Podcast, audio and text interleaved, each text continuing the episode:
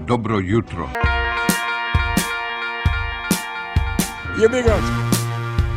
Kako si, brate?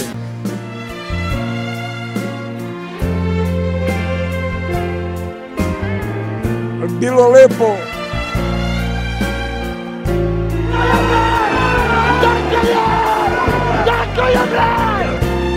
Kako komentarišete histeriju?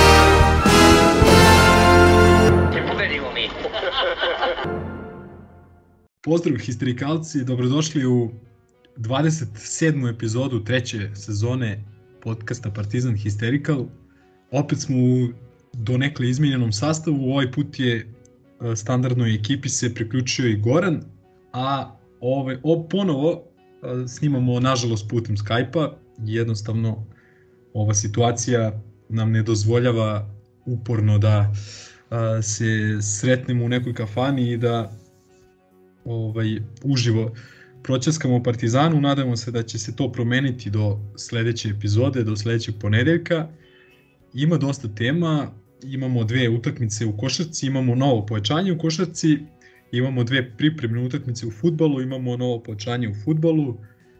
I jedna bitna napomena je da sve ovo imamo neka 4 sata pred, za, završetka uh, prelaznog roka, kako u futbalu, tako i u košarci.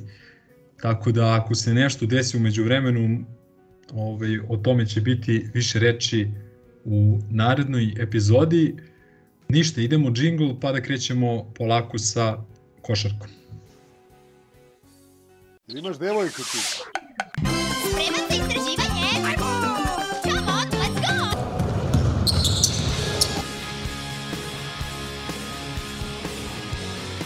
Just gonna go out, get my blood, sweat, and tears.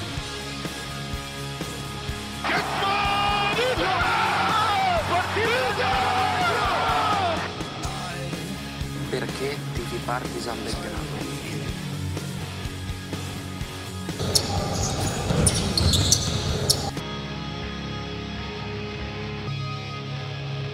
Mogu samo još nešto da kažem o ligi. Yes, sir. Ništa, da krenemo onda sa parketom i uh, škripom. Po, po istom, dve utakmice u o, ovaj nove smo imali uh, nakon posljednje epizode nažalost uh, uh, poraz u Ankari to je bio jedan da kažem isplet nesrećnih okolnosti da je sneg zavejao Tursku i da nismo leteli po prvobitnom planu pa smo morali da a, prinudno skrenemo ka Izmiru pa da iz Izmira čekamo da se vremenske prilike normalizuju kako bi se odletelo ka Ankari gde smo sleteli ne znam u 3 ujutru gde nismo bili u krevetima ne znam do 4 ujutru i tako dalje. Nismo imali normalan san nismo imali taj jedan planiran trening dan pred utakmicu i sve je to ovaj, uslovilo da Partizan ne odigra najbolju utakmicu.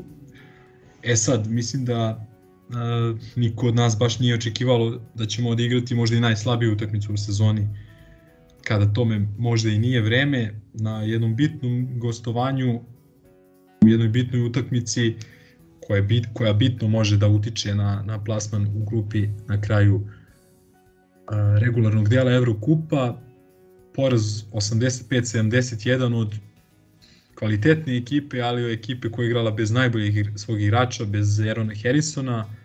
Ponovno smo dopustili pojedincima protivničkom timu da se razigraju i da budu najkorisniji igrači ovog kola Evrokupa. Sada je to slučaj sa Antonim Clemensom, koga se sećamo još iz prošle sezone i iz duela sa Igokeom. Klemens koji je u toku sezone pojačao ekipu Turk Telekoma i stvarno igra kao veliko pojačanje. Međutim, ne, prosto neverovatno da protiv nas odigra možda i najbolju utakmicu u sezoni, da šutira trojke 5 od 5, to je igrač jednog onako skromnog šuta koji se baš ne ističe u tom segmentu igre, ali eto, šta, šta da se radi, loša predstava Partizana, u odbrani, loša predstava u napadu, apsolutno ništa nije funkcionisalo, procenti šuta su bili mizerni, posebno su mizerni bili šutevi uh, sa penala, uh, i ostaje, da kažem, ta trivija za neka buduća vremena da je uh, Matijas Lesor ob oborio neslavan rekord Evrokupa po broju promašenih penala, šutirao je 4 od 16. E sad, treba reći da da smo igrali, da kažem, sa 10 igrača, da Uroš Trifunović nije dobio priliku da zaigra, a da Gregor Glas je proveo na terenu svega jedan minut. Takođe, Rade Zagorac e, se vratio nakon a, korone i za 13 minuta nije uspeo da se upiše u listu strelaca Rodion Kuruc takođe nije uspeo da se upiše u listu strelaca iako je on pokazao je bar neki voljni moment, ukrao je neke lopte i, i napravio neke poene. A, treba reći da je Balša Koprivica odigrao nešto manje od 6 minuta. Razlog tome je, da kažem, i mm, aj, naravno, slabija partija to pod broj 1, a pod broj 2 neke greške koje napravio u svojoj igri koje su pokazale Željku da on uh, nije skoncentrisan dovoljno da igra utakmicu ovog intenziteta. Uh, njegove minute pre svega je dobio Matijas Lesor koji je odigrao gotovo 27 minuta, postigao 14 pojena je bio naš, na, odnosno Mur je bio najefikasniji sa 15, a Panter i Lesor su postigli 14 poena, insistiralo se dosta da se spušta lopta Lesoru, da on igra unutra, to je dovelo i do velikog broja faulova na njim i samim tim velikog, velikog broja slobodnog bacanja koje je on izveo, kao što sam pomenuo, promašio ih je čak 12, bilo onako malo i neprijatno u poslednjoj četvrtini jer se videlo odmah da nije raspoložen što se tiče tog aspekta igre i da, da bi mogao da ima probleme, ali eto,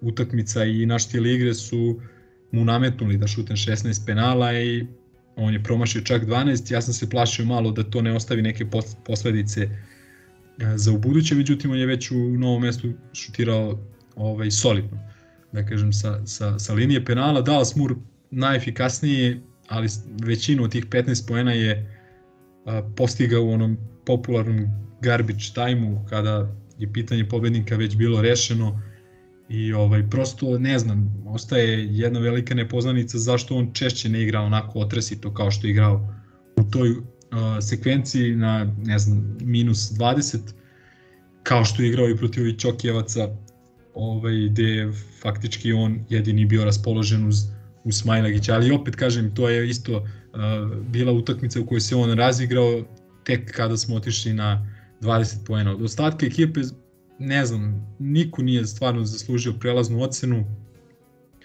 Postoji donekle taj alibi koji je realan što se tiče putovanja, što se tiče svežine koja nam je nedostajala i tako dalje, ali opet zaista jedna baš, baš loša predstava Partizana kada je vreme nije bilo. Da li ste vi gledali i kako ste vi videli ovu utakmicu? Ovaj, kako se zove, mislio sam da će ekipa malo da, da se trgne posle onog sa Megom, to je vrlo sam bio ubeđen u to, a onda je bilo nešto sasvim suprotno, nisam mogao da verujem da ono 20 godina kasnije gledam one Tomašević momente sa linije slobodnih bacanja, samo ovaj, u, u mnogo većem intenzitetu, ne znam, čini mi se koliko me sećanje služi, tad sam bio klinac da, da Tomašević ima ono spektakularno izvođenje slobodnih bacanja, ali Lesor je ono sa količinom promašenih, zezno misli čak i njega.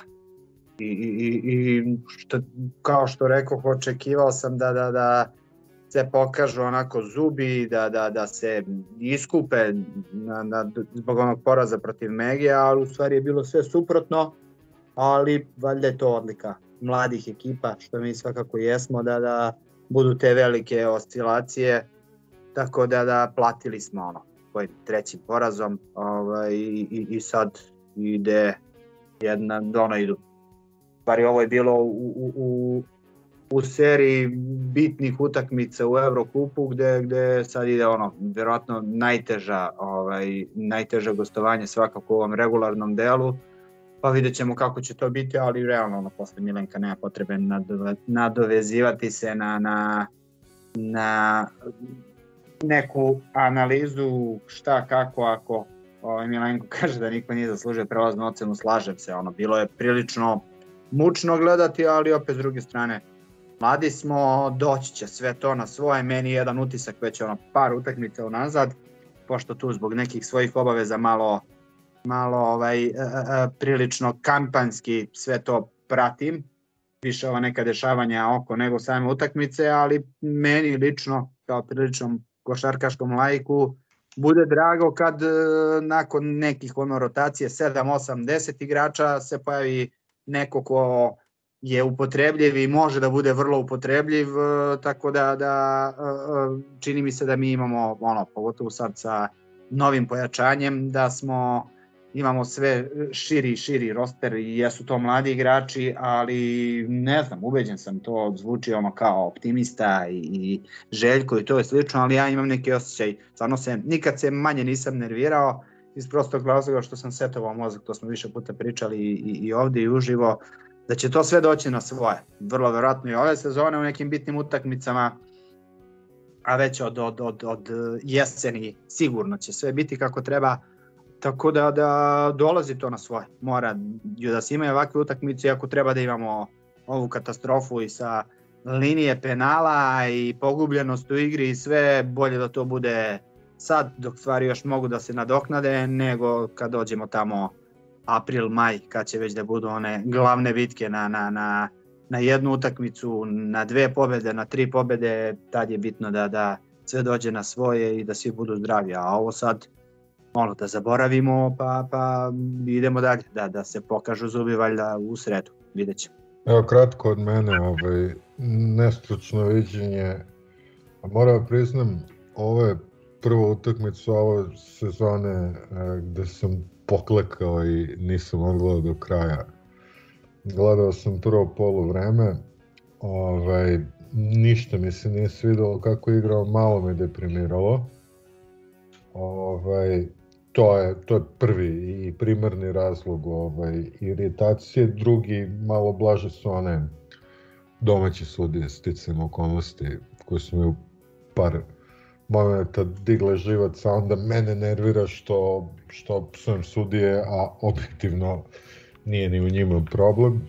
Ali najviše me je frustrirao, ja mislim, najgori eh, režiser uh, u istoriji košarkaških prenosa, onaj katastrofalno što je čovjek radio, onako pušta slow motion prethodnog napada, a ovaj, i ne pogledamo ovaj sledeći i takve stvari. I pošto sam nešto bio i sav to slomljen i premoren, rekao, ajde ja ću ovo da odgledam a, lepo na tenane a, ako dobijemo. Nismo dobili i to, ali mislim to je, to je bilo samo onako trenutna ovaj, trenutak slabosti, ne mislim da, da, da batalim, ovaj, niti mislim da je, bog zna kako strašno to izgubili, izgubili. Tera i dalje. A ja sam, ja sam generalno tim Ilija, ja ne mislim da smo mi predodređeni da bilo šta dobijemo i da moramo da, da, da osvojimo bilo šta ove godine. Ovaj, pa, pa tako i gledam, tako da ono, sve zavisi od očekivanja u principu. Ako, ako zaista neko očekuje da mi moramo da, da osvojimo Eurocup, onda, onda jeste big deal ovaj poraz, jer ovaj, dosta nam remeti one šanse da završimo prvi u grupi ili u obe grupe, a ja nisam baš taj, pa nekako ono kao, aj teraj dalje, brine mi malo ovaj, loša forma koju se nalazimo, ali mislim, to, sve će to doći na svoje. ovo je prva utakmica ove sezone koju nisam gledao, tako da sad nešto da ulazim u analizu ne mogu, mogu da vam pričam o Čorliju ako hoćete. O mogu bi. Ali ajde u onom bloku futbolskom. Da, e, ne mogu da pričam o utakmici, mogu da kažem da se ovo negde uklapa u naše tradicionalno loše nastupe u Turskoj. Ne znam, Milenko, da li se umeđu vremenu izvukao podatak kada smo uopšte pobedili poslednji put ovaj. Pa zapravo pobedili smo prošle godine e, ekipu Bašče Šehira koja je u tom trenutku bila da. prilično skromna i ovaj ali generalno imamo problem sa tim gostovanjima u Turskoj ne znam setili smo se brojnih nekih poraza Daruša Fake Banvita Tofaša i tako dalje A s kim smo ono igrali kad je bila Histi delegacija pre dve godine? Pa sa Dačkom, to je Sa Dačkom, onaj da. Radetov pokušaj da bude heroj. Jeste, jeste. King da, for a šut- day, fool šut- for šut life. za trojku. Da, ne, hoću da kažem da ne doživljavam sad ovo kao neki, ovi, ne znam, kao neku apokalipsu ili sad fatalni poraz. Mislim, na kraju kraja vidite, ono, Ulm je dobio Kinder, 16 razlike, ne znam, budućnost je izgubila u Valenciji skoro 30 i, i bit, će, bit će tih rezultata još.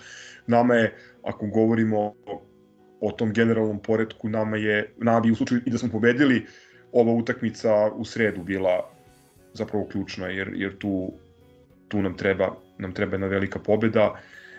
Um, Badaloni, ja i dalje, ono, kad posmatram celu sezonu, mega je blam. E, Cedevita Olimpija je neprijetan poraz imajući u vidu gde su oni bili u tom trenutku gde mi, ali u suštini mislim ono dva ovo prolazno vreme u Eurokupu sa dva poraza na dva gostovanja uz pobedu kapitalno po meni u Parizu. Ovaj, Tri poraza, samo, samo da te ispravim, tri poraza trenutno. Ima. E, da, hoću kažem da ovaj da imali smo onaj glupi poraz u, u Andori, ali u suštini e, nije to toliko toliko loše kad se pogleda kad se pogledaju tabele obe grupe, kažem ta ta utakmica u Badaloni mislim da je da je daleko daleko bitnija i ono bićemo pametniji u sredu uveče kasno ovaj, sa tim šta se dešava dalje. Samo par reči na tu temu. I Milenko ja smo juče gledali uh, utakmicu u Juventu da kako rekoše, pretenciozno katalonski derbi protiv Barcelone i navijali smo zapravo da se što više izmore. Pa ne mislim, nema tu šta, ono, oni su jedna ono, uigrana ekipa, dobro vođena, Mm, sad Milenko i ja se tu ne, nećemo sasvim složiti, ja, ja lično mislim da oni imaju kvalitet u smislu um, iskustva pojedinih igrača koji ono imaju između sebe 200 utakmica Eurolige sigurno, A- ali mislim da pojedinačno oni, da su oni dosta slabiji od, od lokomotive, na primjer.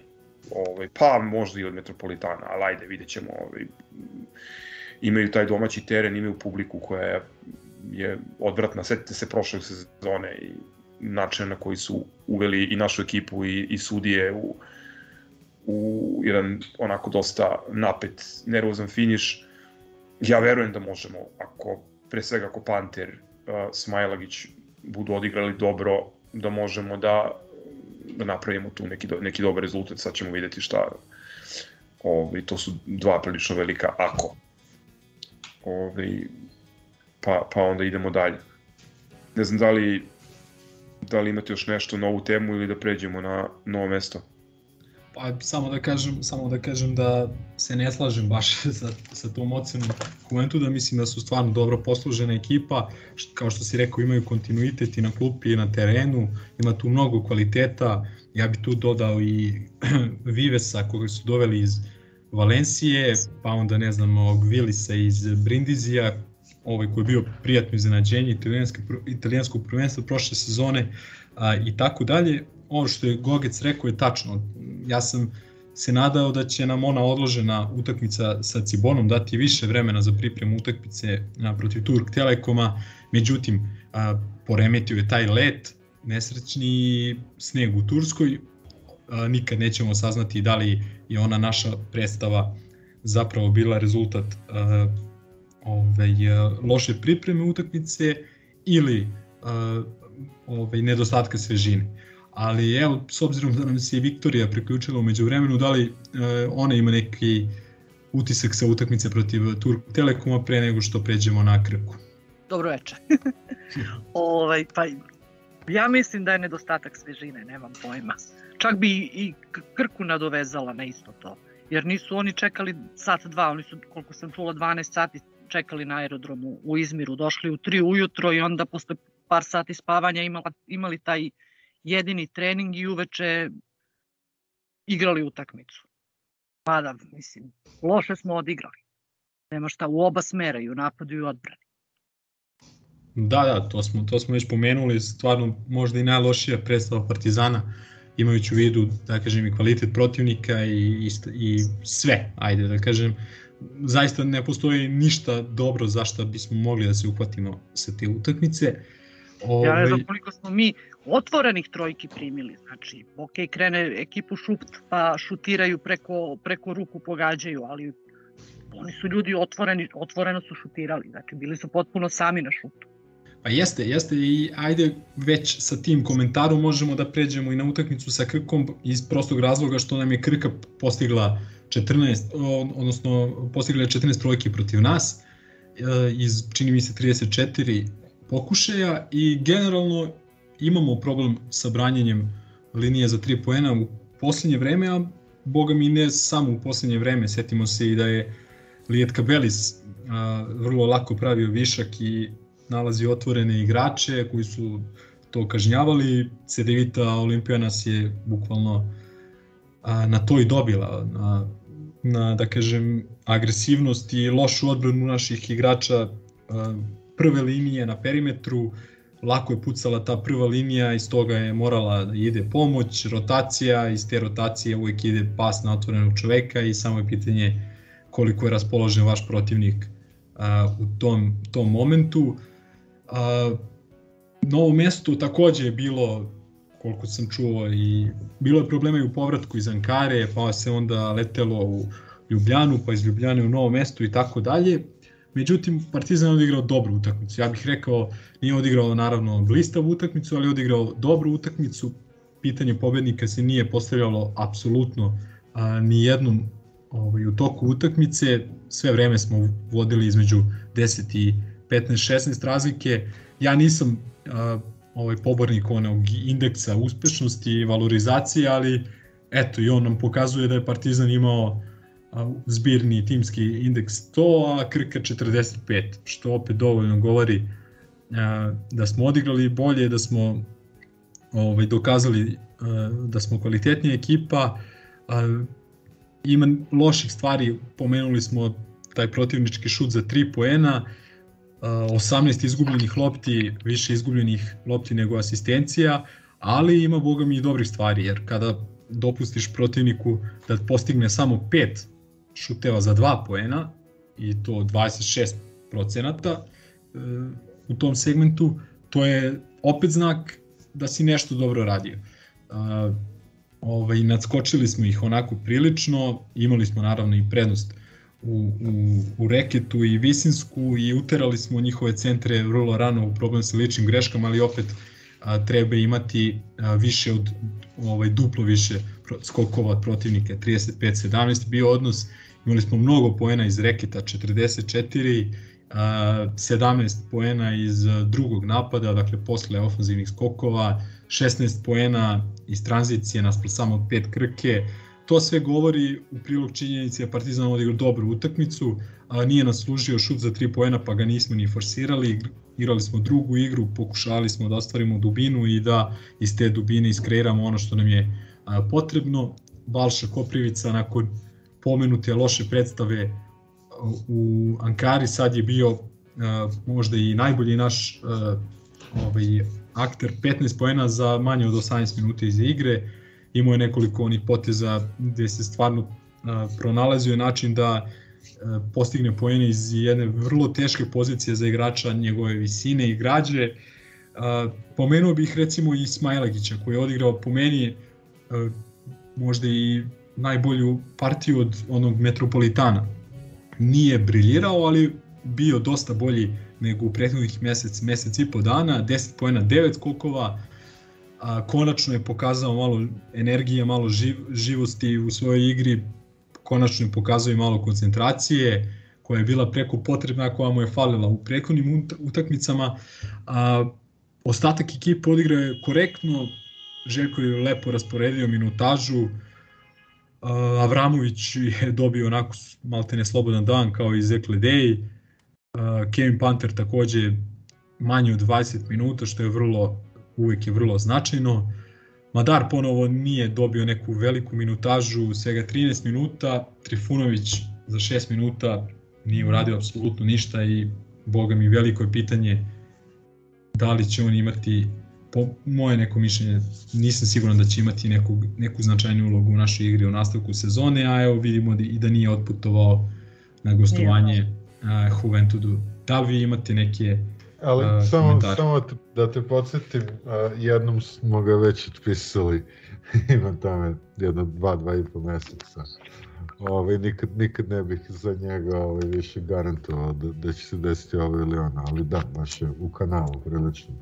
Ništa, vrlo kratko od mene, ove, sve stoji što si rekao, onako, sa pola gasa, a vidi se da da ono, na, na suvi kvalitet to sigurno dobijemo ove, i pored uh, legendarnih podzemnih vozda u dvorani Lenštukilj ali dva, dva utiska sa te tekme i dva poteza koje su po mene obeležila jedna ona neverovatna banana ovaj, Lesora ovaj, u kontri koji je zalepio ono, baš ono, ponizio čoveka, a drugo je ludi brat a, Rodionis koji a, tri puta izbegava ono otvorenu trojku i kvari napad time da bi onda četvrti onako iz kontre sunuo bez, bez koske po cepu mrežac. Da, da, da, to je. Nadam se, nadam se da će konačno da razbije to i šutni, šta te briga, kako može, kako može Dangubić da bude naš najbolji trojkaš, možeš i ti. Eto, to je vrlo kratko. Znači, ok, malo, malo onako zalečila me ta utakmica, iako nije bilo, bog zna šta i nije nam baš sve išlo za rukom, ovaj, nekako bar se videlo da postoji ta razlika kvaliteta toliko, toliko velika da nema načina da izgubimo tu utakmicu. Da, ovaj novo mesto, odnosno sala Leona Štukelja je uvek nešto posebno, što leže crle ukleta sala, ne znam da je neko zakupao neke skije ili ovaj, je bajao, Možda, možda su podigli na fojbi nekoj. da, ili je bajao, bajao nad onim obručima, ali svake godine. Mislim, ima tu sad malo i, i, i nekog iracionalnog straha, setite se on, one utakmice prošle godine kada je Vegan vodio ekipu, koliko beše, 19 razlike. Mislim, ono je jedno od, ja mislim, najtraumatičnijih partizanovih momenta u, u poslednjih 20 godina sigurno. Uh, ali opet, mislim, da, objektivan suvi kvalitet je toliko na partizanovoj strani, ono u pioniru smo ih dobili koliko je bilo, 60 razlike više i ne znam, ne mogu da se setim, ali to je, mislim, re- rekordna pobjeda uz, uz Split ove sezone. Uh, dovoljno je reći samo te neke ključne statističke parametre da se vidi koliko ova utakmica, mislim koliko su protivnici bili neujednačeni. Oni su imali znači, samo pet pogodaka za dva, 14 pogodaka za 3, mi smo imali 20 izgubenih lopti i opet smo ih dobili 16 pojene razlike zbog pre svega ovoga što je Milenko pomenuo tog dobrog ofenzivnog skoka i, i mnogo boljoj igri u, u reketu. Da, Balša ofanzivno, mislim videlo se da korpulentni gospodin Hasan French, pa i Juri Macura, za koga se dugo smatralo da je jedan od većih regionalnih talenata, ko tu još, Kosi, da to ipak nisu igrači koji mogu da igraju protiv njega. Mene to, mene to raduje, jer mislim, Balša je još uvek Novajlija za seniorsku košarku, još uvek uči i ovo su upravo te utakmice na, na kojima očekuješ da, da on izdominira i da protiv recimo talentovanih vršnjaka kao što je Macura pokaže da je da je bolji i da zaslužuje da igra za Partizan. Um, sad kad smo na toj temi, samo da kažem da tu vrstu doprinosa apsolutno očekujem i od Madara, i od Glasa, i od drugih mlađih igrača, ali mislim da smo to posle one utakmice jezve sa Megom absolvirali. Mislim, to su, to su utakmice gde oni dobiju više minuta, više prostora, gde se očekuje da, da oni ovaj, preuzmu volan i da, da oni odvedu Partizan do, e, do pobede. Ako je u Ankari svežina, odnosno odsustvo iste bio problem, onda mislim da u Badaloni apsolutno nemamo taj izgovor, osim što smo otputovali ranije i dobili, čini mi se, tri termina za trening. E, I ovde su, u Novom mesu su neki od ključnih igrača malo više odmarali, tako da bi trebalo da budu sveži i raspoloženi. Željko mislim da je i pomenuo u jednom u ove intervjua, odnosno u najavi utakmice protiv Juventuda da je i trening, prvi trening posle ovaj novog mesta bio kvalitetniji, da su igrači da su se malo ovaj, podigli nakon Golgote po aerodromima, Izmira, Ankare i tako dalje. Um, još jednu stvar sam teo da pomenem kao, kao utisak, mada to je utisak praktično cele, cele ove sezone, uprkos nenormalnoj situaciji sa, sa pandemijom, brojnim ograničenjima, problemima, e, sa ulaskom u hale i tako dalje, Partizan je opet imao fantastičnu domaću atmosferu u novom mestu i mislim da da se razlika koju pravi prisustvo navijača vidi i, i u energiji na parketu i način na koji tim reaguje i tako dalje i nadam se da će situacija nakon ovaj, ovog omikron ovaj, talasa da se smiri i da će tamo kada bude najbitnije moći, da ćemo moći da idemo u hale i da, da će to biti jedan, ajde da kažem, bitan faktor u, u Partizanovom, nadamo se, ovaj, uspehu ove sezone. A što se mene tiče, to, što se tiče novog mesta, meni je bilo važno da tu utakmicu dobijemo kako god. Baš zato što su oni maltene 5 dana pre utakmice proveli u putu. Oni fizički nisu imali vremena da spreme utakmicu kako treba, tako da je najbitnije da su dobili. I ono što me raduje to je da su u, prvom, u prvoj četvrtini razliku su napravili ovi mladi igrači Partizana. Kasnije se to samo održavalo i to, to je jako...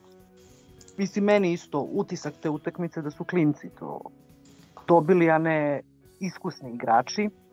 I kad smo već pominjali te mlade igrače da se od njih očekuje da utakmicama kao što je protiv Mege da dobijaju te takve utakmice e,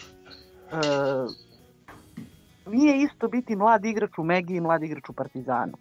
Znači, mlad igrač u Partizanu nosi pritisak sa sobom. Mlad igrač u Megi je, mislim, Mega je klub koji nema apsolutno nikakav uh, rezultatski imperativ. Znači, oni su menadžerski klub, oni služe da se razigravaju miškovi igrači, oni, znači, kad igrač Partizana izgubi od Mege, njemu će da kažu, e, izgubio si od Mege. Kad mladi igrač Mege izgubi od Partizana, a šta ima veze, izgubio si od Partizana. Znači, nije to isto biti mlad igrač u Partizanu i mlad igrač u Megi.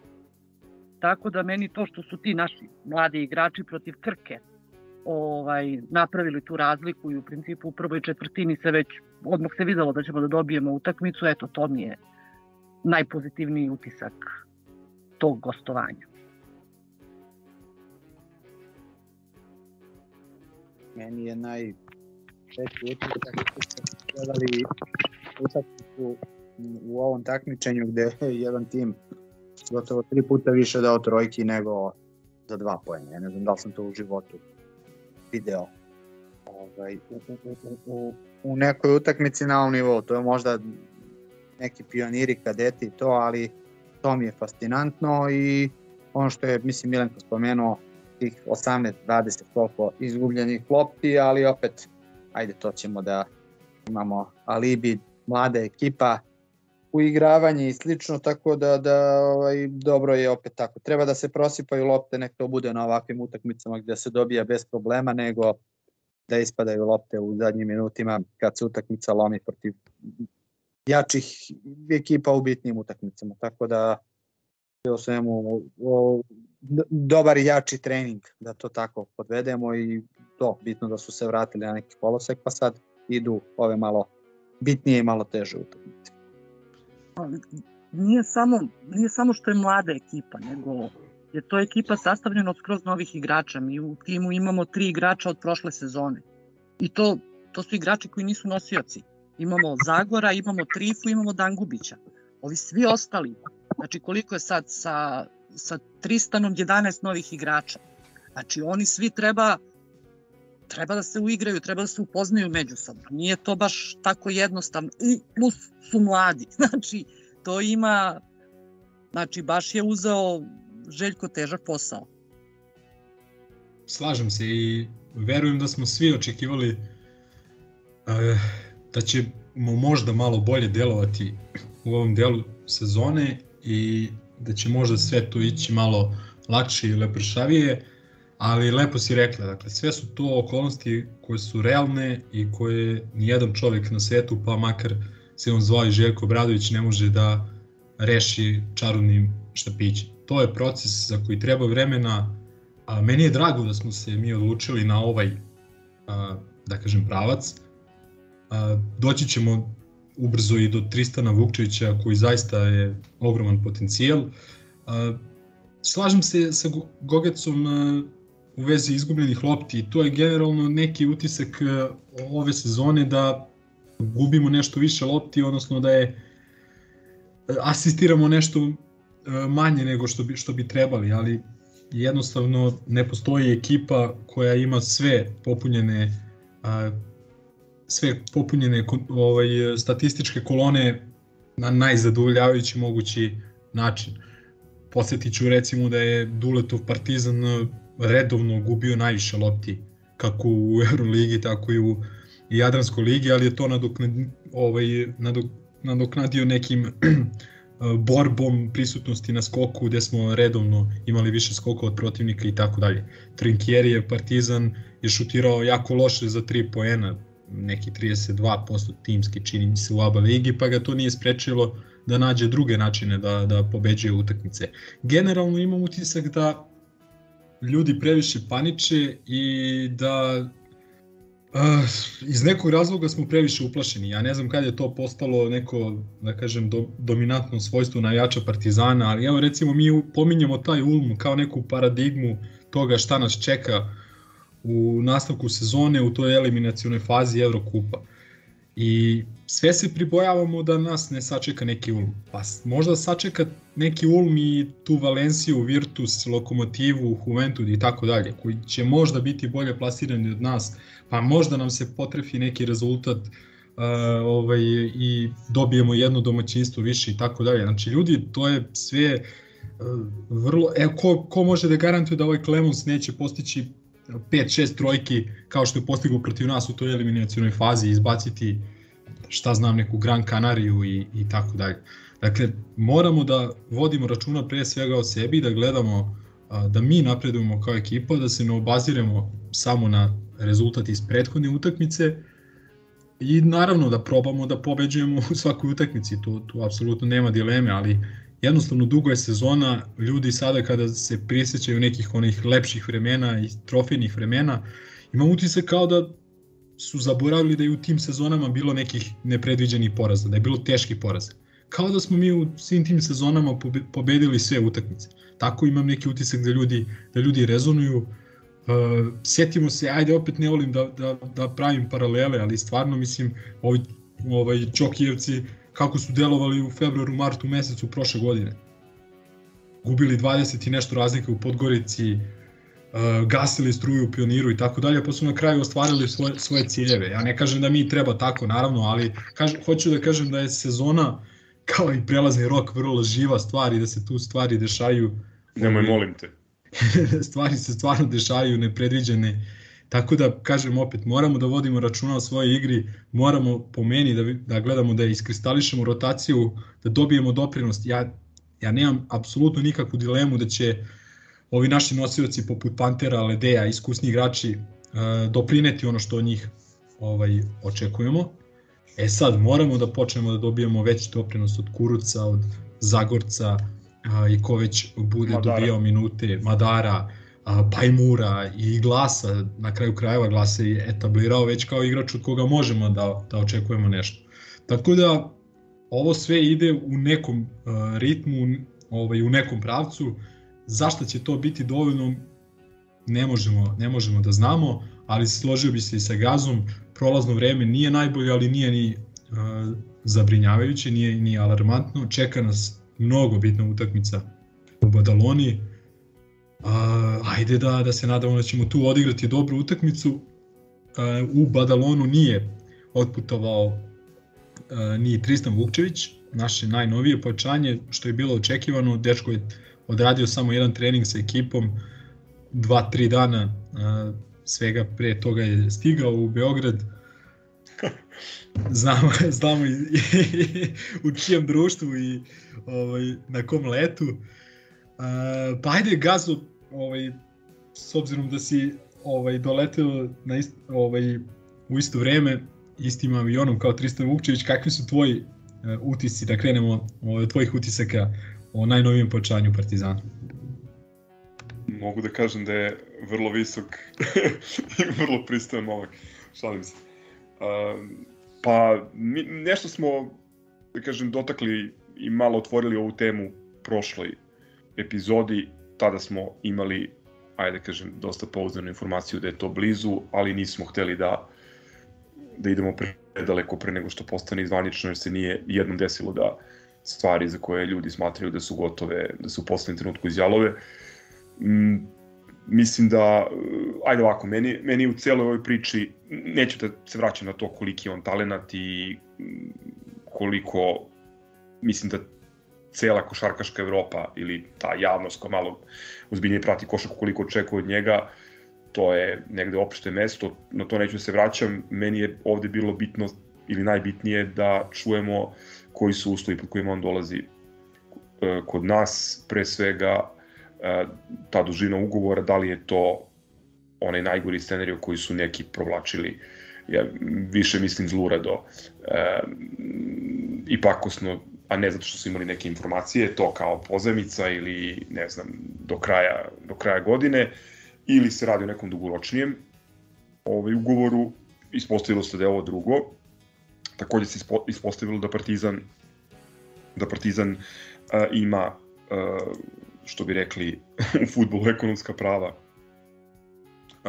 nad njegovim ugovorom i da ako se ne varam to je informacija iz španskih medija uh, sa Realom deli na pola obeštećenje onog trenutka kada uh, Vukčević bude uh, prelazio u, u neki NBA klub. Uh, mislim da je to dobro, uh, dobro jer se uklapa u ovu koncepciju ili taj, ajde da kažemo, Željkov projekat stvaranja e, novog partizanovog tima.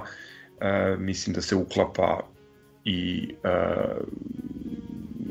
utoliko što dobijamo igrača koji može ponovo da igra na, na, na dve pozicije i koji je e, pre svega zbog tog dobrog šuta e, s polja kompatibilan e, sa drugim visokim igračima, mladim koji imamo, tako da tu sad postoji jako puno nekih kombinacija koje sam, siguran sam, Željko i Sučni štab već a, već negde, ovaj, da kažem, analiziraju, planiraju, crtaju ak akcije i napade i ništa, samo da kažem da jedva čekam da, da mali zaigra za nas i prosto, mm, ajde da kažem, na nivou reputacije kluba i neke poruke koju Partizan šalje, a, ovo je jako bitno jer ponovo se o Partizanu jako lepo jako puno govorilo u košarkaškim krugovima širom Evrope.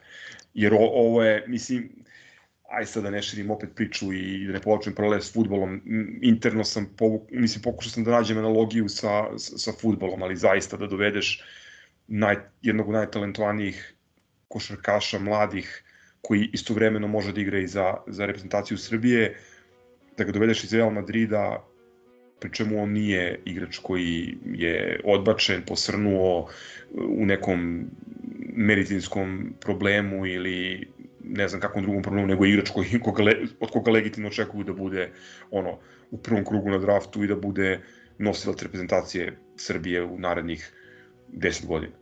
I ti takvog igrača dovedeš na, na dugoročan ugovor u, u Partizan, mislim da je to ozbiljna poruka. Ja sam prezdovoljan. Eto, toliko.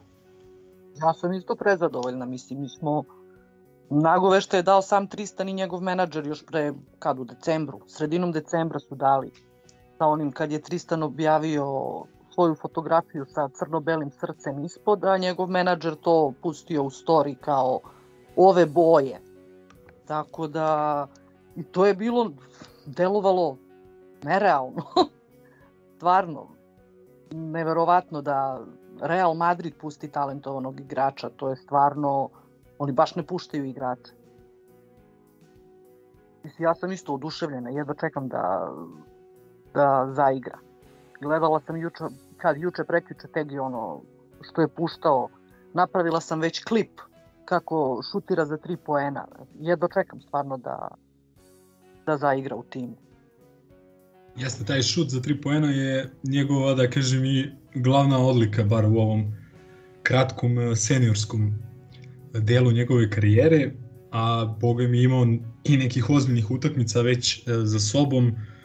Prethodne sezone je bio jedan od najboljih pojedinaca Reala u El Clasiku na gostovanju Barceloni, gde je ono, desetkovani Real uspeo da iznenadi Barcelonu.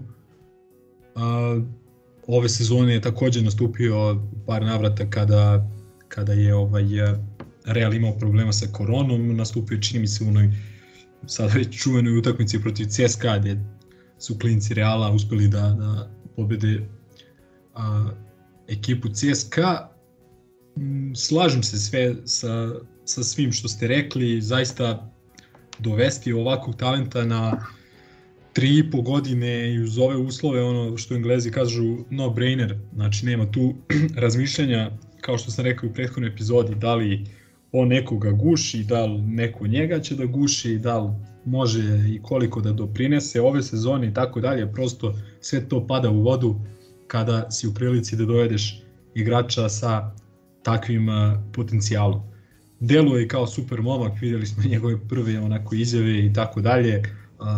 Bitna stvar je, koliko god je možda glupo reći, bitna stvar je da priča srpski, ovaj, s obzirom na to njegovo poreklo i tako dalje, dakle još jedan mladi igrač u slačionici koji, kome je srpski da kažem materni jezik ili ajde da kažem jedan od jezika sa kojim se služi i jezik koji na kraju krajeva njegov trener Željko Bradović najbolje priča, tako da to sve ide u prilog tome da uh, je Partizan odradio jednu veliku stvar njegovim dovođenjem, e sad ostaje pitanje koliko on može da doprinese ekipi ove sezone. Na duge staze ja sam apsolutno siguran da će Partizan debelo da prihoduje ako na kraju krajeva, ne znam finansijski, ali na terenu sigurno, a verujem i finansijski. A, takođe je bilo nekih onako oprečnih a, komentara kao kako je Real pustio ako je već takav talent i tako dalje. Pa jednostavno šansu u Realu dobijaju stvarno ono top, top, top talenti kao što je recimo Luka Dončić ili igrači koji imaju takve fizikalije koje su već spremne za izazove profesionalne košarke kao što je to bio ovaj mali Garuba prethodne dve sezone. Vukčević je ogroman talent ili jako mladi igrač i njegovo telo tek ima da se razvija i mislim da je bila procena Reala da da bi možda čak i više mogao da se razvije u Partizanu, a oni su na neki način sebe zaštitili uh, tom klauzulom da, da dobijaju pola obeštećenja ukoliko on ode u NBA ligu, što je, verujem, njegov onako primarni cilj i da će stremeti, stremeti ka tome. A, Izvini, samo da dodam na, na ovu priču ovaj, o Realu, malo sam pratio e, komentare tamo, daleko od toga da je ova odluka Lasa izgleda bila nekontroverzna, odnosno vidim da se puno ljudi i tamo ovaj, nije baš slagalo sa, sa procenom da njega treba pustiti.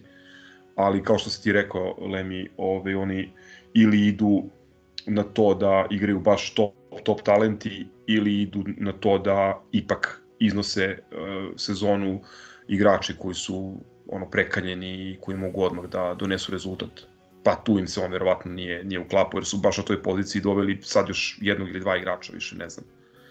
Ali daleko od toga da, da to nije, da, da nije bilo komentara ovakvih i onakvih. Neki da, da, to, to je da. bitno, da. Ovaj, ali evo, kad si već pomenuo Lasa i opet mi pada na pamet taj čuveni hashtag Obra efekt, jer koliko se, koliko znam, Laso je igrao za Željka Obradovića tamo 90-ih e, i jednostavno ono, dobro se poznaju, veliki su prijatelji i nisam ovaj, siguran sam u stvari da, da je ta sama činjenica, pre svega da je Tristan odlučio da dođe u Partizan e, posledica toga da je Željko trenera, nakon toga i čak i da je on ovaj, jednostavno nije se samo on pitao, pitao se tu i klub.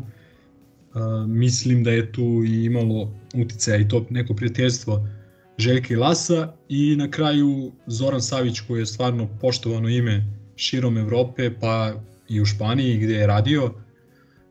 I ovaj sve to da kažem kad uh, uzmemo u obzir dobijamo ove dobre poteze koje Partizan vuče da kažem od letos pa do sada po, pre svega kad se radi o ovim a, mladim igračima. Ne znam ili imate možda još neki komentar vezan za Tristana ili za KK pre nego što Izvini, pređemo na... Izvini, futbol. sad si me is- isprovocirao ponovo nešto što si rekao, ovaj, pomenuo si Savića, moram ponovo da, da kažem da je majstorski odigrao ovaj komunikacijski deo ka javnosti do poslednjeg trenutka ponovo ovaj, se pravio neveš, pravio se vrana do trenutka očigledno dok sve nije leglo i sve bilo rešeno i tek onda je klub zvanično izašao ovaj, sa, sa potvrdom za razliku od nekih ranijih pojačanja o kojima čak nije bilo ni, ni, ni reči ovaj, kod e, takozvanih insajdera i na, i na društvenim mrežama.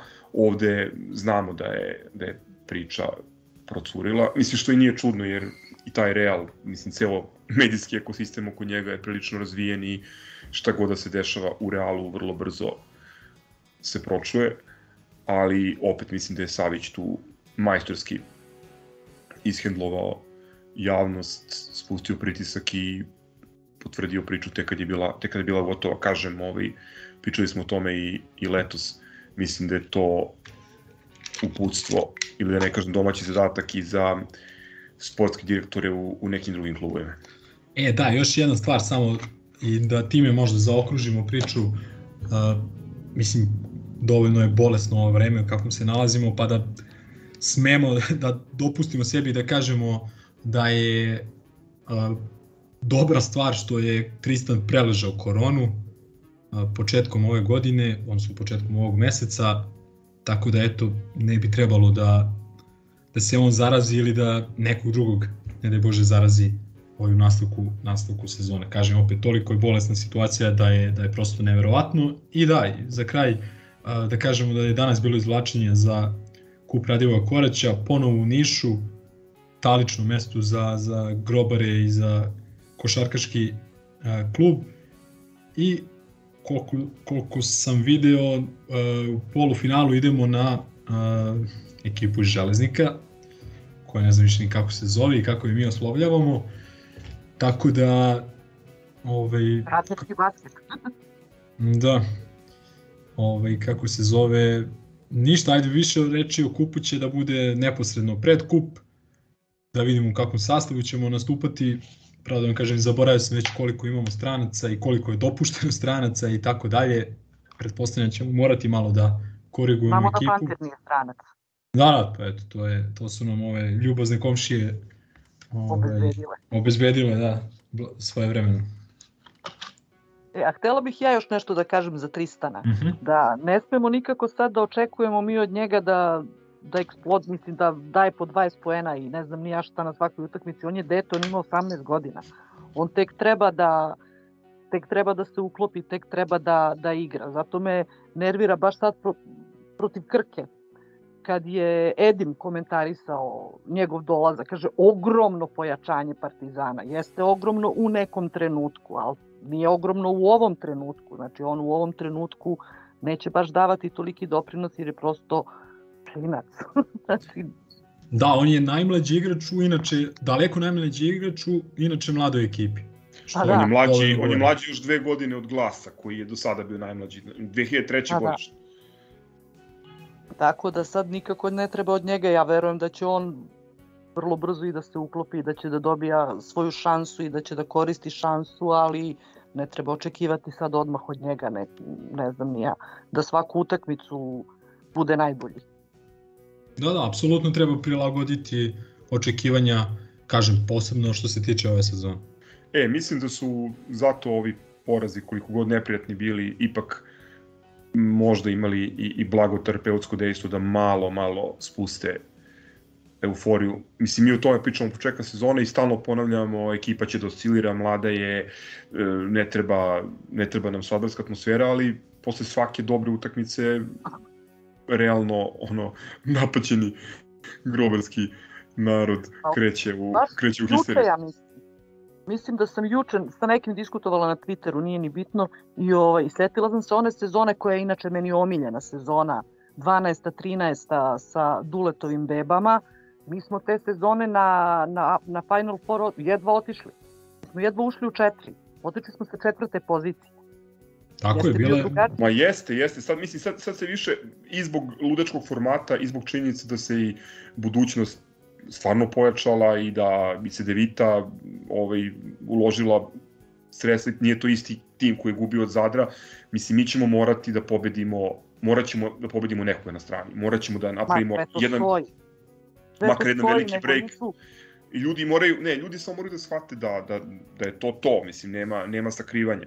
Niko ne kaže, mislim, i- i ovo što mi pričamo, po meni to ne znači da sad mi govorimo da to činjenica da je ovo višegodišnji projekat, da to znači da ne treba da idemo na titule. Ne, apsolutno idemo na titule i svaki igrač Partizana mora, to mora da mu bude ono DNK, znači ideš na to da osvojiš sve što možeš da osvojiš. Ali hoću da kažem da nije mm, nije pitanje onog kraja sveta i sad ne moramo da, ono, da, da se ritualno samo ubijamo zato što, ne znam, ne pobedimo svaku utakmicu u Eurokupu. Upravo, upravo, mislim, zato sam i pomenula onu sezonu, znači svi sad govore o tim nekim pozicijama, ovo ono, ali prosto je nemoguće, pa čak i sa iskusnim, sa iskusnim timom, e, da ti očekuješ da dobiješ svaku utakmicu da bi bio prvi na, na kraju sezone, znači to je iluzorno. Mislim, ok, znamo da u ABA neki drugi kreću sa 2-0, mi ne krećemo sa 2-0, ali Bože moj, šta ne možemo, ne možemo svaku utakmicu da dobijemo, moramo neku da izgubimo. Da, ne treba gled- gledati nužno u našu prošlost i, i tako dalje. Evo, gledamo šta se dešava iz nedelju u nedelju, ko koga pobeđuje. Ne znam, juče je Andora pobedila Real uh, ovaj, u Madridu, Andora koja je jedna od loših ekipa u, u domaćem prvenstvu, a Real koji je dominantno prvi u Euroligi. I sad, uh, ja sam apsolutno svestan toga da je to posledica činjenice da je Real igrao produžetak u Monaku dva dana prije toga. Ali e, i sad će svi reći da je posledica toga, ali niko neće reći da je poraz Partizana od Mege dva dana posle e, Hamburga posledica toga, nego je to bruka. I to je niko, možda- neće reći, I niko neće reći da je pobeda nad Metropolitanom u Parizu ozbiljna pobeda, nego Da. se razumeva, iako su, vidimo, opet pobedili juče Monako po drugi put. Monako koji igra kako igra u, u Euroligi. A pobedili su Jasvel, uzgled budi rečeno. Znači taj Metropolitan koji mi uzimamo zdravo za gotovo. Da, i ne znam, taj trend to dobro, on je jeste oslabljen, došao u Beograd i tako dalje, a su, ne znam, četvrti u Italiji i tako dalje. I sad, koga god Partizan da pobedi, to je neozbiljan protivnik, to je o, o, ovakva ekipa, to je onakva ekipa. Pa ne biramo mi protivnike. Znači, ne biramo mi protivnike i u kakvom sta- sastavu će oni da dođu, dođu na utakmicu protiv nas. Tako da, ovaj, ne znam, naš... ja mislim ako budemo odigrali onakvim intenzitetom i na onakav način kako smo igrali protiv eh, Hamburga, mislim da u sredu i tekako možemo da dobijemo. Pa sad, to je naravno lako, ali treba ponoviti, da kažem, onaj intenzitet.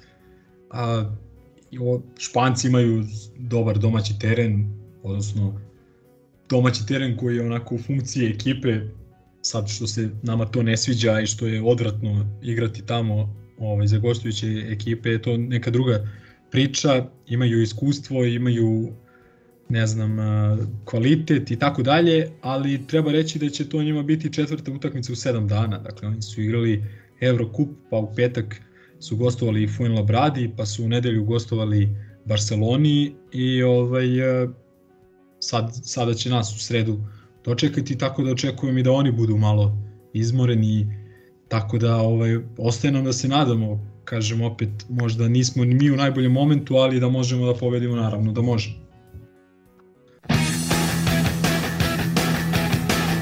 kao što imam jedino velike napetosti i potrebu da popijem neku pilulu za smirenje kada gledam vaše utakmice. Pa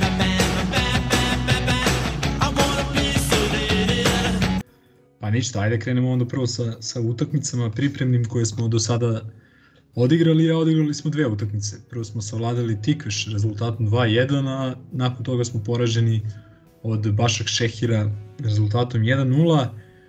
Protiv Tikveša smo nastupili u sledećem sastavu Lukač, Miletić, Vujačić, Saničanin, Lutovac, Smiljanić Jojić, Pantić, Holender, Menih, Ricardo.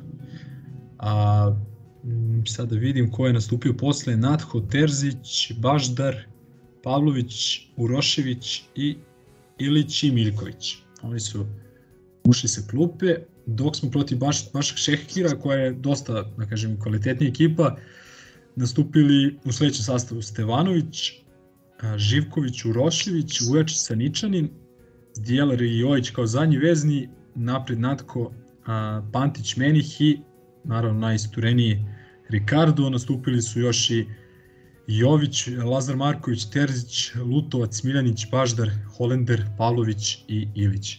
A, iskreno, što se tiče Tikaša, video sam samo golove, jer nije baš bio mi najprihvatljiviji termin za, za gledanje utakmice, tako da to vam u potpunosti a, prepuštam, a što se tiče Bašak Šehira, samo odgledao drugo polovreme i da kažem highlights je prvog, tako da tu bi se već i mogao uključiti u neku priču, ali ajde, ako je neko od vas pogledao obe utakmice, ovaj, možda, možda najbolje sa tim da počne.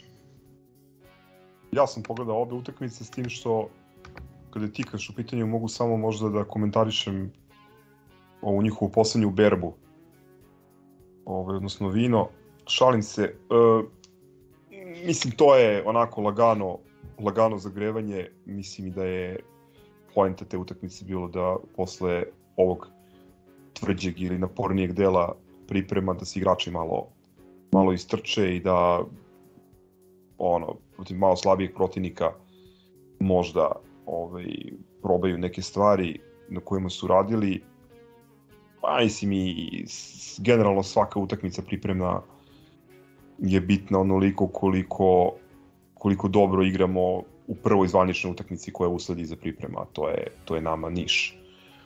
A, ja lično više volim kad igramo protiv jačih protivnika, jer mislim da to, mm, da to onako testira e, testira malo više stvari i može mnogo bolje da ukaže možda na neke propuste koje treba korigovati dok još postoji postoji prostor i, i, i ima vremena za to. Tako da ne bih ja sad nešto puno pričao o, o, o Makedoncima.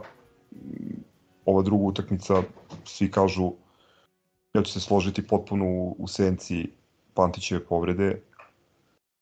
Saznali smo među vremenu da je u pitanju prednji ukršteni i da je verovatno završio sezonu. To sad otvara dodatne probleme i dodatna pitanja u već oslabljenom veznom redu. Mi smo ušli u, u prelazni rok uz zvaničnu priču kako ovaj, u, u, u centrali fali igrač. Umeđu vremenu je Šćekić otišao, Pantić povredio koleno, došao je Fejsa, ali eto, kako stvari stoje, ne znam da li je Jeftović potvrđen ili nije, ali kako stvari stoje, mi smo znači slabiji nego smo bili pre početka prelaznog roka. O, to je to je po meni glavna tema, ovo ostalo sve mislim da je mislim da je sporedno. Glup gol smo primili posle prekida, ali i to sad ako bi nešto pokušao da preanaliziram, to ima po meni veze sa eto, tom nekom novom postavkom koju ćemo imati u, u defanzivnom skoku bez Šćekića koji je tu bio jako bitan jako bitan igrač za Partizan. A gledao sam ali nešto preko ono, preko posla, jeli, koji sam radio ovaj tikveš, tako da što reče Gaza više mogu da komentarišem Kratošiju nego ovaj nego utakmicu. Drago mi je da, da je Samet Baždar zaigrao. Ovaj, čudno mi je što je Lukač branio početka, ali ajde, kao, tu se kao ne zna ipak što je da kažeš tim A, tim B, a naježio sam se što je počeo i Lola 9-9, a u drugu nisam gledao, tako ne mogu ništa da kažem. Pojačali smo se pod znacima navoda Kornjačom, ne mislim da realno to jeste pojačanje, ali da a, u svetlu toga da je Šćekić otišao, a, da do Efesa zadnji put šutnu takmičarsku loptu ovaj, negde u avgustu, da ćemo sigurno trajati neko vreme i da onaj naslov da je on jedan od najspremnijih ili najspremniji igrač u ovom momentu ovaj, može samo da nas dodatno onespokoje, a ne ohrabri. I sad ta još daće nam povreda da kao šlag na tortu, mislim ono, kako bi se reklo, strepim ovaj, od, od nastavka sezone. A ovi, ovi se kao, kao pijeni milioneri pojačavaju naši konkurenti sa titulom. Stvarno je, drugu utakmicu i to je na samom početku gde je bila ta povreda, posle mi se više nije ni gledalo.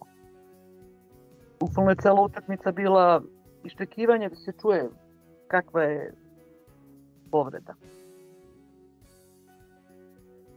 da, to je stvarno veliki peh za, da kažem, ekipu Partizana. Da, Dačo Pantić je imao i dobrih i nešto manje dobrih utakmica, ali svakako nemamo luksus da, da ostajemo bez, bez igrača.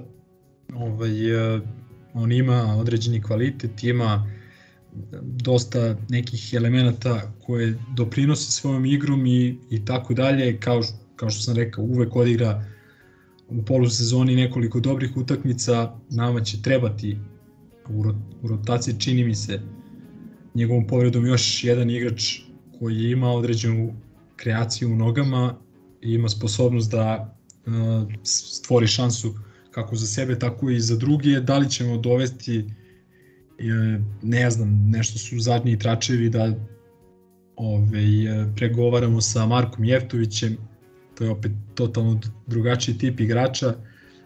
Ne znam, nisam, nisam, nisam najpametniji što se tiče utakmice protiv Bašak Šehira, ne, prava ona pripremna utakmica u nekom negativnom kontekstu iz, iz ugla navijača, odnosno gledalca.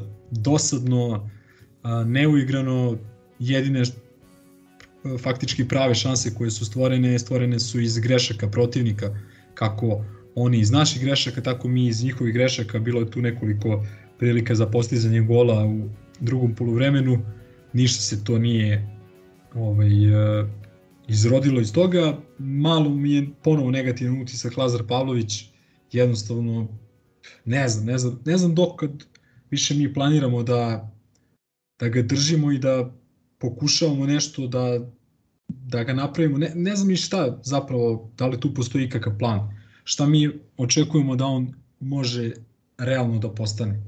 Ovaj, ali ajde da kažem da možda nije fair i prema njemu da kažem da mi on jedini jedini neki utisak.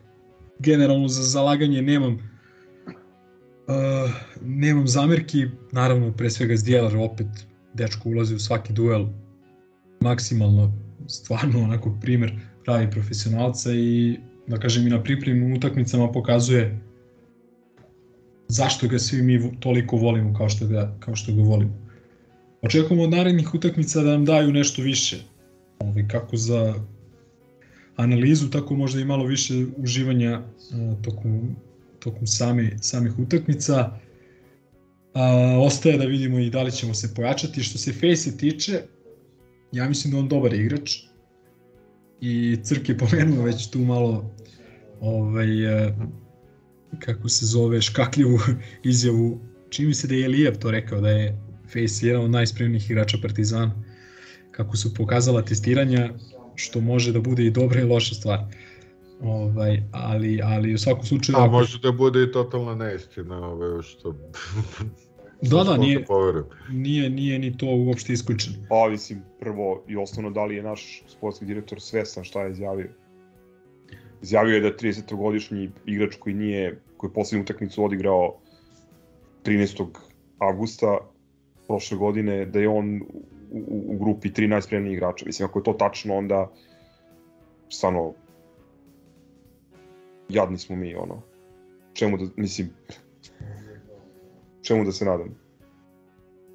Pa, baš tako, ali opet kažemo, ako je stvarno tačno da je on u dobrom stanju, to nam opet daje jedan, jedan kvalitet možda koji nismo imali, jer on je bez dileme Ma Nije- ne, čovek nije je, isti, čovek da, da. je, ma čovek, mislim, čovek ima prvo pobednički mentalitet, drugo ima toliko iskustva, treće, ono, suvi igrački kvaliteti, ta neka anticipacija, duga lopta, e, postavljanje, ok, nije najbrži futbaler, i ja, ja moram da priznam da na toj poziciji volim više da ono malo borbenije i brže futbolere, ali te neke kvalitete koje ima, mislim, tu je stvarno za, za ove Ling Long pojmove, on je Ferrari. Ali dve velike ovaj, bitne stavke, dva velika znaka pitanja, to su u kojem je on zaista, znači nešto kaže Ilija, nego zaista u kome stanju u smislu ovaj, spreme, jer eto, proverio sam, igrao je u li, prošlo, zapravo na početku se, ove sezone u, u Ligi Arabije 24 minuta odigra u avgustu i posle toga ništa. Ne sumnjam da je kao vrhunski profesionalac umeđu vremenu imao neki trening program, ali to nije isto što i tak, takmičarski ritam. I druga stvar koja je bitna, mislim on je i ranije kada je bio mlađi imao ogromnih problema sa povredama, pa samo tokom boraka u Partizanu, na samom, da kažem, početku ozbiljne karijere imao je, ako se ne varam, tri ozbiljne, ozbiljne povrede. Govorimo o situaciji pre 15 godina. I to je nešto što, što, mene, što mene malo brine. Sad, dodatni pritisak se javlja ovaj, ovim, ovom povredom Pantića, koji je bio, što se mene tiče, u grupi tri ili četiri futbalera uz, uz Holendera Jovića, ove, kojih sam očekivao da, pa i Terzića, kod kojih sam očekivao da, da, da podignu značajno nivo igre na proleći, da to bude ta, ta rezerva na koju ćemo mi eventualno da gradimo da gradimo uspeh, jer ne može sve da se svodi na, na natka Ricarda ili deta do 18 godina. E sad, šta je, šta je u ovoj situaciji plan B, nemam pojma. Da li će priča biti demagoška, ono, ovo otvara prostor da Samet baš da dobije minute ili ćemo da očekujemo po peti put da, da Lazar Marković bljesne.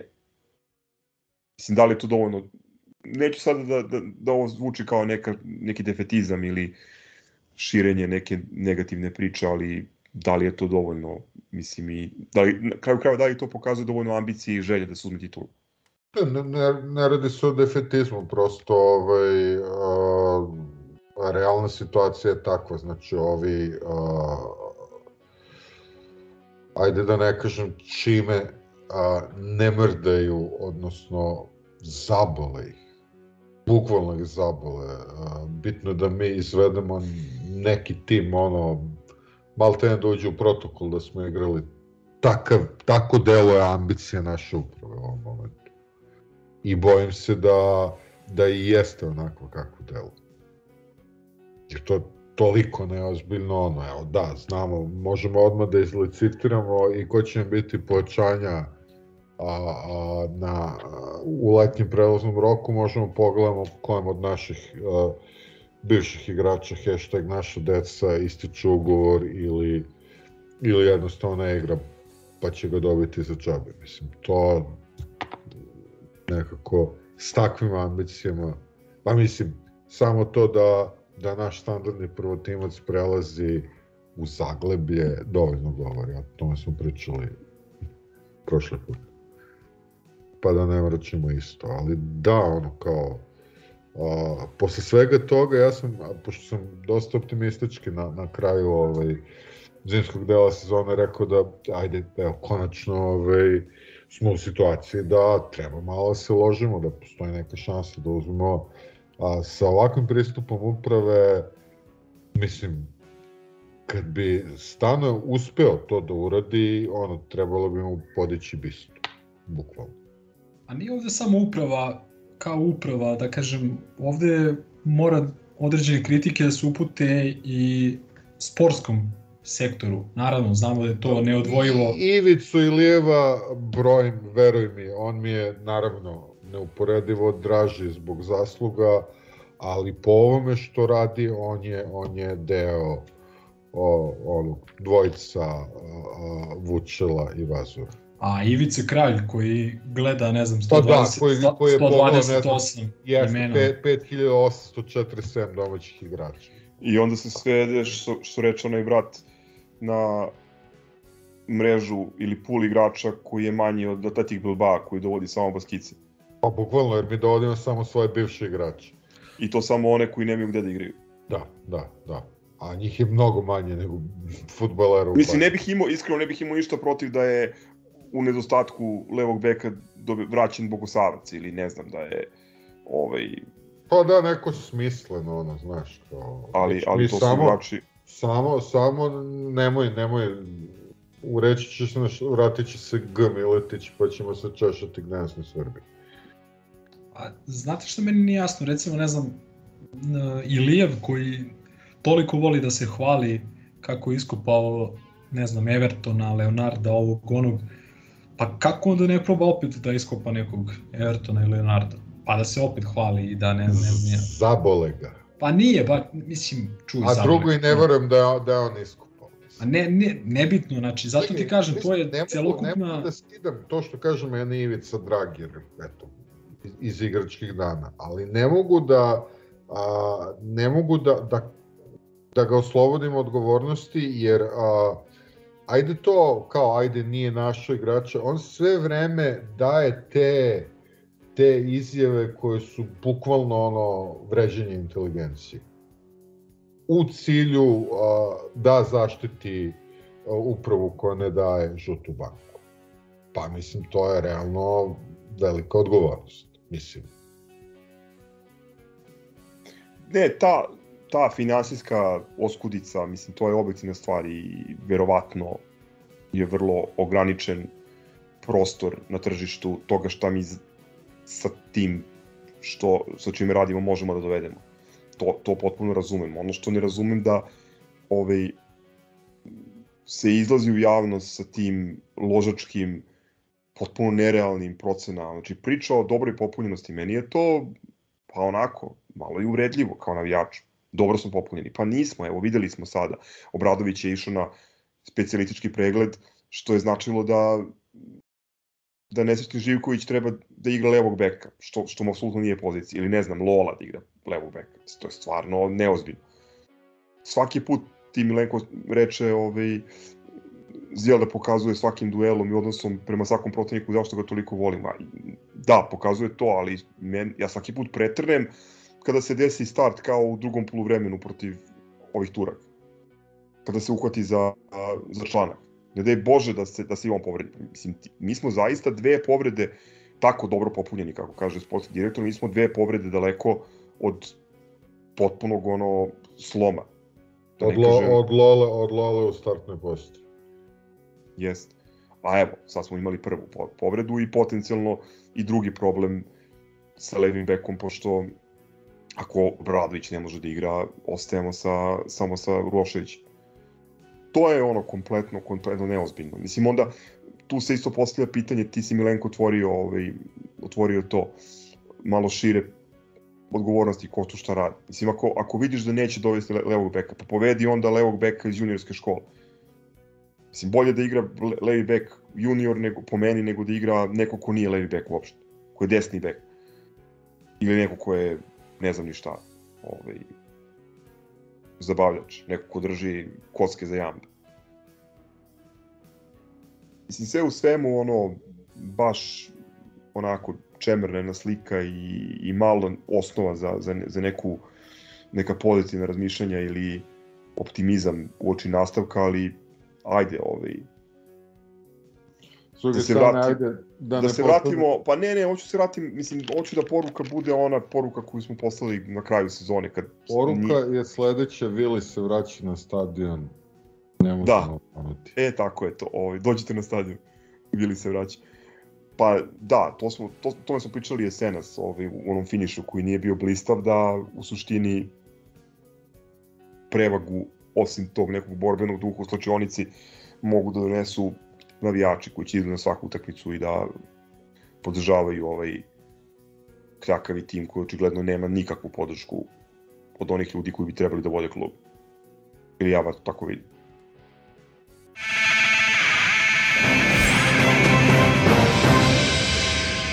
Od sporta nemamo ništa.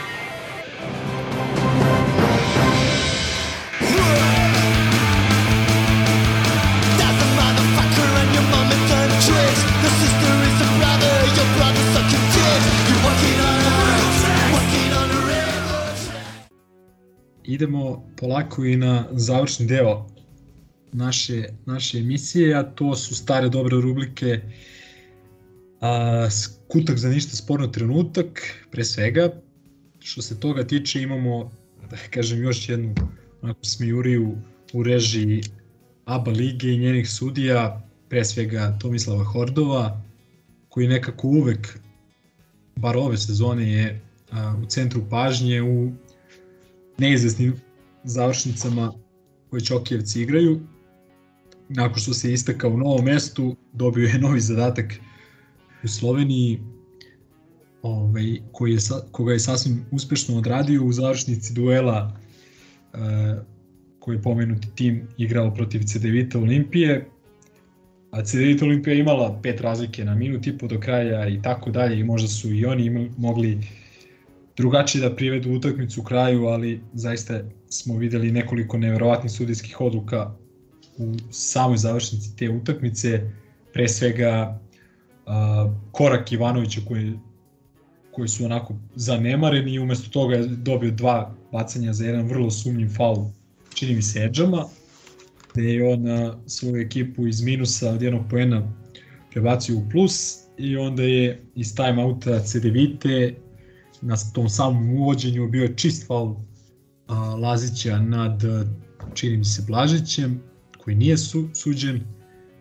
Jogi Ferrell je dobio loptu, ostvario poziciju za šut, šutnuo je... I dobio po ruci. I dobio po ruci na, ne znam, 40 cm od očiju Tomislava Hordova, koji je odlučio i to da izignoriše. Tako da ja prosto više ne znam ono, Da, imali smo nakon toga i onu, da kažem, highlightse ABA lige koji, ovaj, u kojima je isečeno sve ovo sporno što sam pomenuo, dakle, kao da se nije desilo. Pa ništa sporno. Tako da da, ništa sporno u, ono, u još jednoj ništa spornoj ligi u, na brdovitom Balkanu. Ne, ne, mislim, prosto ja, ja ne znam više, mi, mi smo kritični prema našem timu, navijači Partizana, to možemo svakodnevno iz, da kažem, iz da čujemo iz priča ljudi koje, koje poznajemo, koji simpatiču Partizan, možemo da pročitamo sa mreža, sa foruma, sa ne znam, komentara iz, sa klubskih objava i tako dalje. Dakle, mi smo mnogo bre kritični, ono, gledamo i pobedi u zube i uh, pa nekako nemam pojma, ono, ja, ja prosto ne znam ne znam više šta da kažem, ne, ne znam šta je uopšte Partizanu realan cilj u ovoj ligi, koji ovako suđenje. Znaš šta je meni, šta mene interesuje, zašto se ti timovi ne bune? Pa sve nešto stidljivo, nešto, Golemac je rekao na konferenciji posle utakmice da je, ne znam, ono, krivo mu je što su sudije odlučile utakmicu. A mislim... Znam, ali opet, mislim, Partizan je jedini koji mi smo ono tražili da, da da bude nadležan neki drugi sud, mi, mislim, prosto zašto nas onda ne podrža ako krenemo mi u tako nešto da napravimo normalnu ligu? Pa slažem se, ja se apsolutno slažem, zato što, mislim, pre svega što ne znam, ta CDVita Olimpija je dobrim delom finansirana iz privatnog, da kažem, vlast, vlasništva, meni nije jasno da taj čovek ono godinama gleda jedne iste stvari da ne vidi ono što mi svi vidimo. Znači to potpuno ono ne mogu da razumem ako ništa drugo iz neke da kažem, privatne pobude da kao, alo, neću više bacam pare u bunar kad vidim da ovo nigde ne ide. Kad mi ovako, ne znam, seku mi struju u pioniru, uh, ovo mi rade ku, ono, kod kuće na metar pa evo, i, uče, tako dalje. I uče u Podgorici su dobili ponovo pa da. svino suđenje u poslednjih dva minuta. I onda dolazimo u situaciju da se o finalu ABA lige iz, ne znam, prethodnih nekoliko sezona piše ono negativno da ono, cela Evropa gleda i smeje se, ne znam, ovi stranci koji su igrali, jedva ček, koji su učestvovali, jedva čekaju da, da, da pobegnu odatle, ne znam. Ne znam da ste primetili izjavu ovog Delavalea koji je igrao prošle sezone za budućnost gde je rekao da je dobijao ono pretnje smrću pred majstoricu play-offa prošle sezone i tako dalje. Ovaj, mislim, to, uh, ja ne znam, ja, ja najiskrenije sad ja možda nisam to jest nisam uopšte objektivan i tako dalje, ali ja ne bih voleo da Partizan osvaja titule na način na koji su osvajane titule u, u ABA ligi prethodnih sezona. Neke od njih su bile potpuno zaslužene, da me neko ne shvati pogrešno. Ali onaj čitav cirkus koji su pravila dva tima, od kojih, ajde da kažem, jedan uh, prvi krenuo ovaj, u, u kreiranje te atmosfere i tako dalje, ali su oba tima zaslužena za tako nešto. To je po meni sramota. Znači, to je po meni sramota i to smo pričali nakon utakmice protiv budućnosti, da nam je drago da je Partizan onako dočekao ekipu koju vodi uh, bivši trener Partizana, gde nastupaju neki igrači koji vole Partizan, navijaju za Partizan i tako dalje. Pa kako je ta budućnost ista dočekana i ne znam pre koliko, dve godine, ili tako, u onoj utakmici u jeku onih tenzija, da, u jeku tenzija između Srbije i Crne Gore i tako dalje. Znači to su To neke... kad su, one sezone kad su ovi odlučili da ne od... Da ne mogu da otputuju. Tako je. I nisu za to bili kažnjeni i, i tako dalje. I opet, ne znam, na kraju dolazimo u situaciju, ne znam, bude ono glasanje i kao da li da, da se da titula Partizanu i samo Igokeja kaže, ok, O dajte šta. pričam.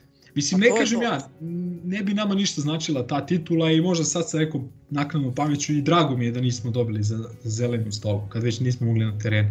Ali samo, ono, ja prosto ne mogu da verujem da baš to što ti Viktorija kažeš, da se više timova ono, ne okuraži malo, znači nemaju svi te neke stege koje Partizan imao ovde.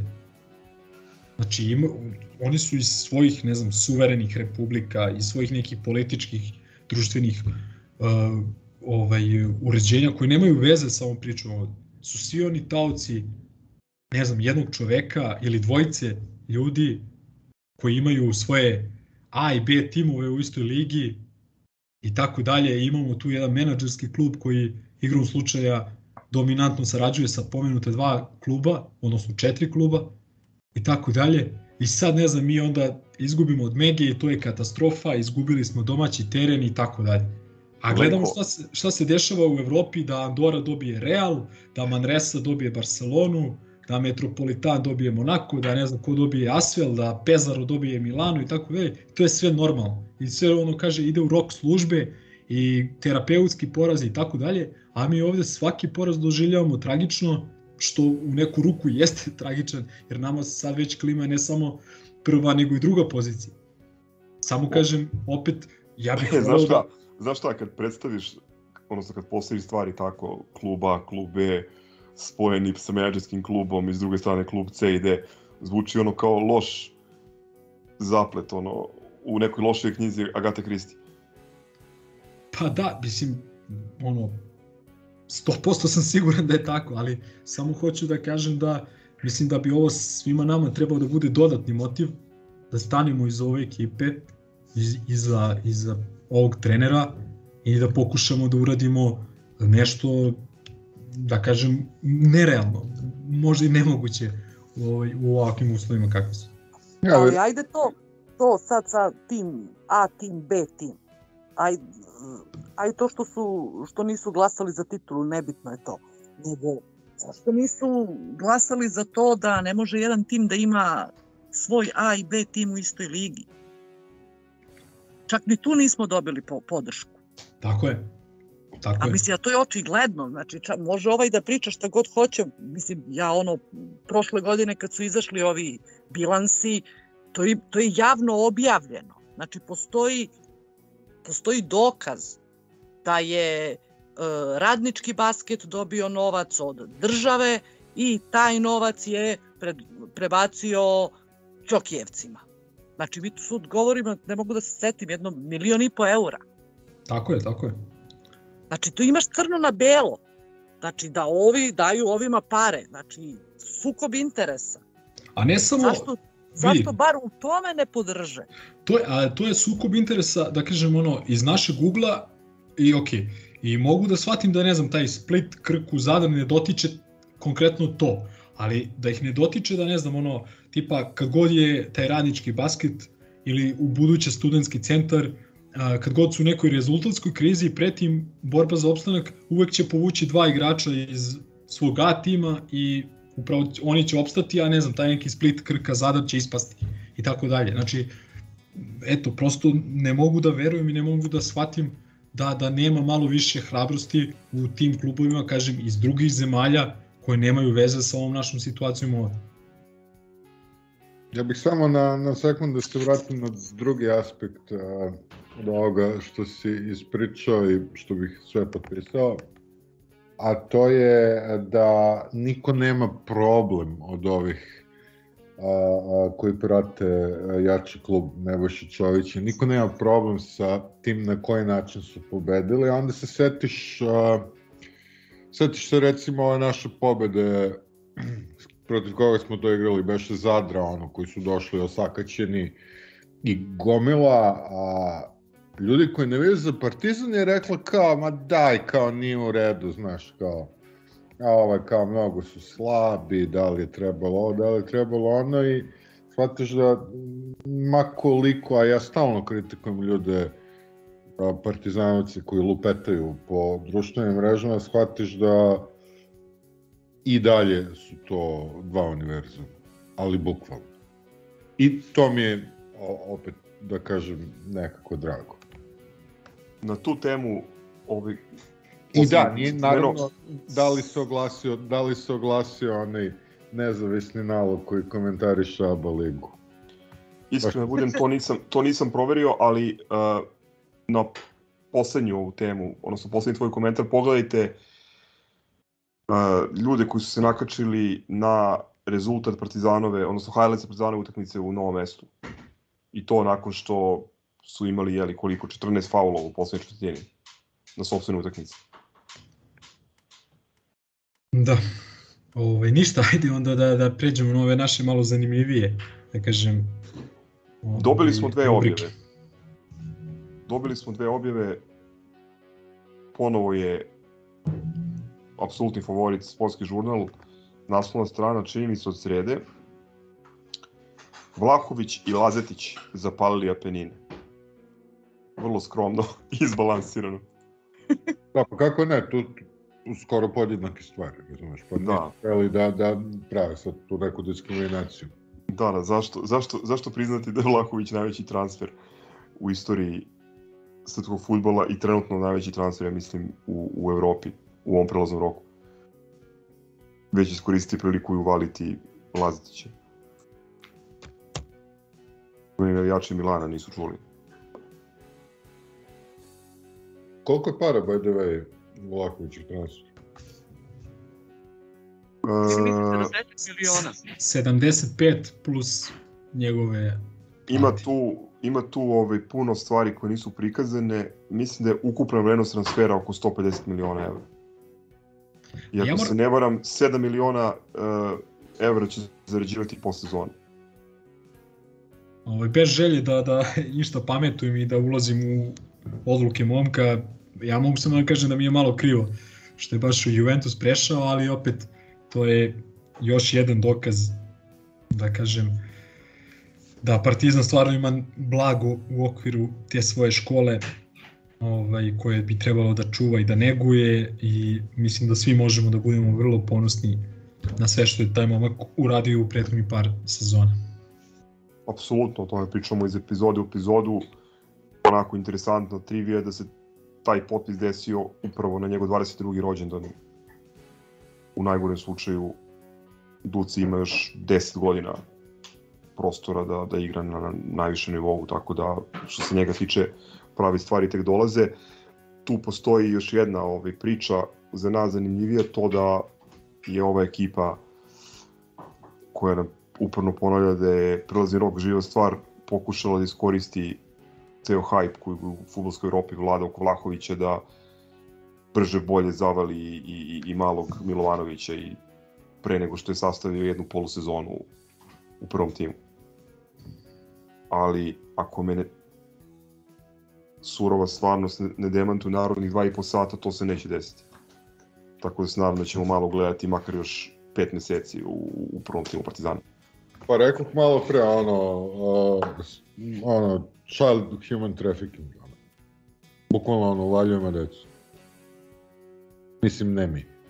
Ma, mislim, apsolutno je jasno da Partizan u ovakvoj situaciji, u ovakvom društvenom okruženju, sa ovoliko malo sponzora, malo publike, uz loš marketing, mora da, da živi, odnosno, da jedini izvor koji ima za, za prihode realan taj ovaj, od proda igrača, ali da ne postoji apsolutno nikakav plan, nikakva vizija, nik, ono, opet, da kažem, kontraprimer onom, ono, onoga o čemu smo pričali kada je u pitanju Tristan Vukčević i, i formiranje košarkaške ekipe. Uz naravno ogradu da je futbol dosta drugačiji sport, da stvari nisu za poređenje, ali baš zato što nisu za poređenje, Da, mislim da ali- futbolski klub ima prostor da napravi mnogo ozbiljnije i veće stvari. Ali i to da znamo da nije teško se računati koliko je futbolski klub recimo prihodovao od igrača u poslednjih 10 godina i gde su te pare. Dobro, E, to ali svakako to- nećemo, nećemo ovaj, moći da utvrdimo. Jeste imali još nešto ili da pređemo i na drugu objavu koju smo dobili od slušalaca? Tog dana, tog dana kad je Duci prešao u Juventus, pa sam baš onako pratila njihov, njihove objave na, na, na Twitteru, znači to je stvarno ono, mislim, profesionalno, fenomenalno odrađeno. Oni su istog dana izbacili u prodaju e, dres njegov i to 12 različitih vrsta dresova, znači imaju ženski modeli, znači ne- neverovatno. O, a naš, naš klub, pošto je jeli, momku bio rođendan, naš klub mu tog dana čestita rođendan i stavlja fotografiju gde je on u dresu Fiorentine. A, mi smo ispravili tu nepravdu na, na Twitter nalogu. A da, A, ne, dobro, a da budemo potpuno civilu- fair, i. FK, i FK je ispravio tu uh, grešku na kasnije, na kasnije objavi na, na Instagramu, ali da, ovaj, zaista ono, ozbiljan gaf. Druga objava tiče se tiče se ove cele ove atmosfere oko košarkaškog kluba. Neću da reklamiram izvor, pošto ne zaslužuju vaš klik. Naslov, Maran Ističević izvređao igrača Partizana. Pa eto, toliko o tome, mislim. Jeste, mislim, ako ne verujete Željku, verujte ono da, život, da u životu uvijek treba biti na, na kontra strani od dotičnog. Pa dobro, ajde, to malo ublažava tu taj bol koji, ovaj, koji osjećam zbog toga što Marijan Rističević navija za Partizan, ali barem je i tu na, na drugoj strani od mene. Da, nemam šta drugo da dodam to. Želja čestitke pozdravi, Vlaković, Pokuševski i Samed, Samed Baždar Baždar, kome je danas 18. rođendan. E pa srećan mu rođendan. A pozdrav za kuma Vilija i za njegov novi telefon koji nema Skype. Moramo to nekako. da- Dobro, imao je, imao je, imao je ovaj, da kažem, želju da, da prisustuje snimanju. Ne mogu, ne mogu da grešim dušu, ali nadam se da će sledeći put biti Ne, ne kažem ništa, samo ovaj, da, eto, te tehnološke pre, prepreke koje zateknu čoveka duboko u 21. veku. Ništa sledeći put da se snima na LinkedInu, pa se možda E, može, pridruži. može. E, za sam kraj, samo jedna preporuka za čitanje, blog Balše Koprivice na sajtu Uleba, meni jako interesantan, mislim, osim toga što je vrlo pismen, onako informativan, uh, jedna stvar nova koju sam naučio da je Balšin prvi klub, košarkaški klub Superfund. Super fond naše krave. Da. Da. Ništa toliko ljudi. Ništa, čuvajte se i da se gledamo što pre. Ćao. Ćao. Ćao. Ćao. Ciao, brate. Salim ti prijetna dan.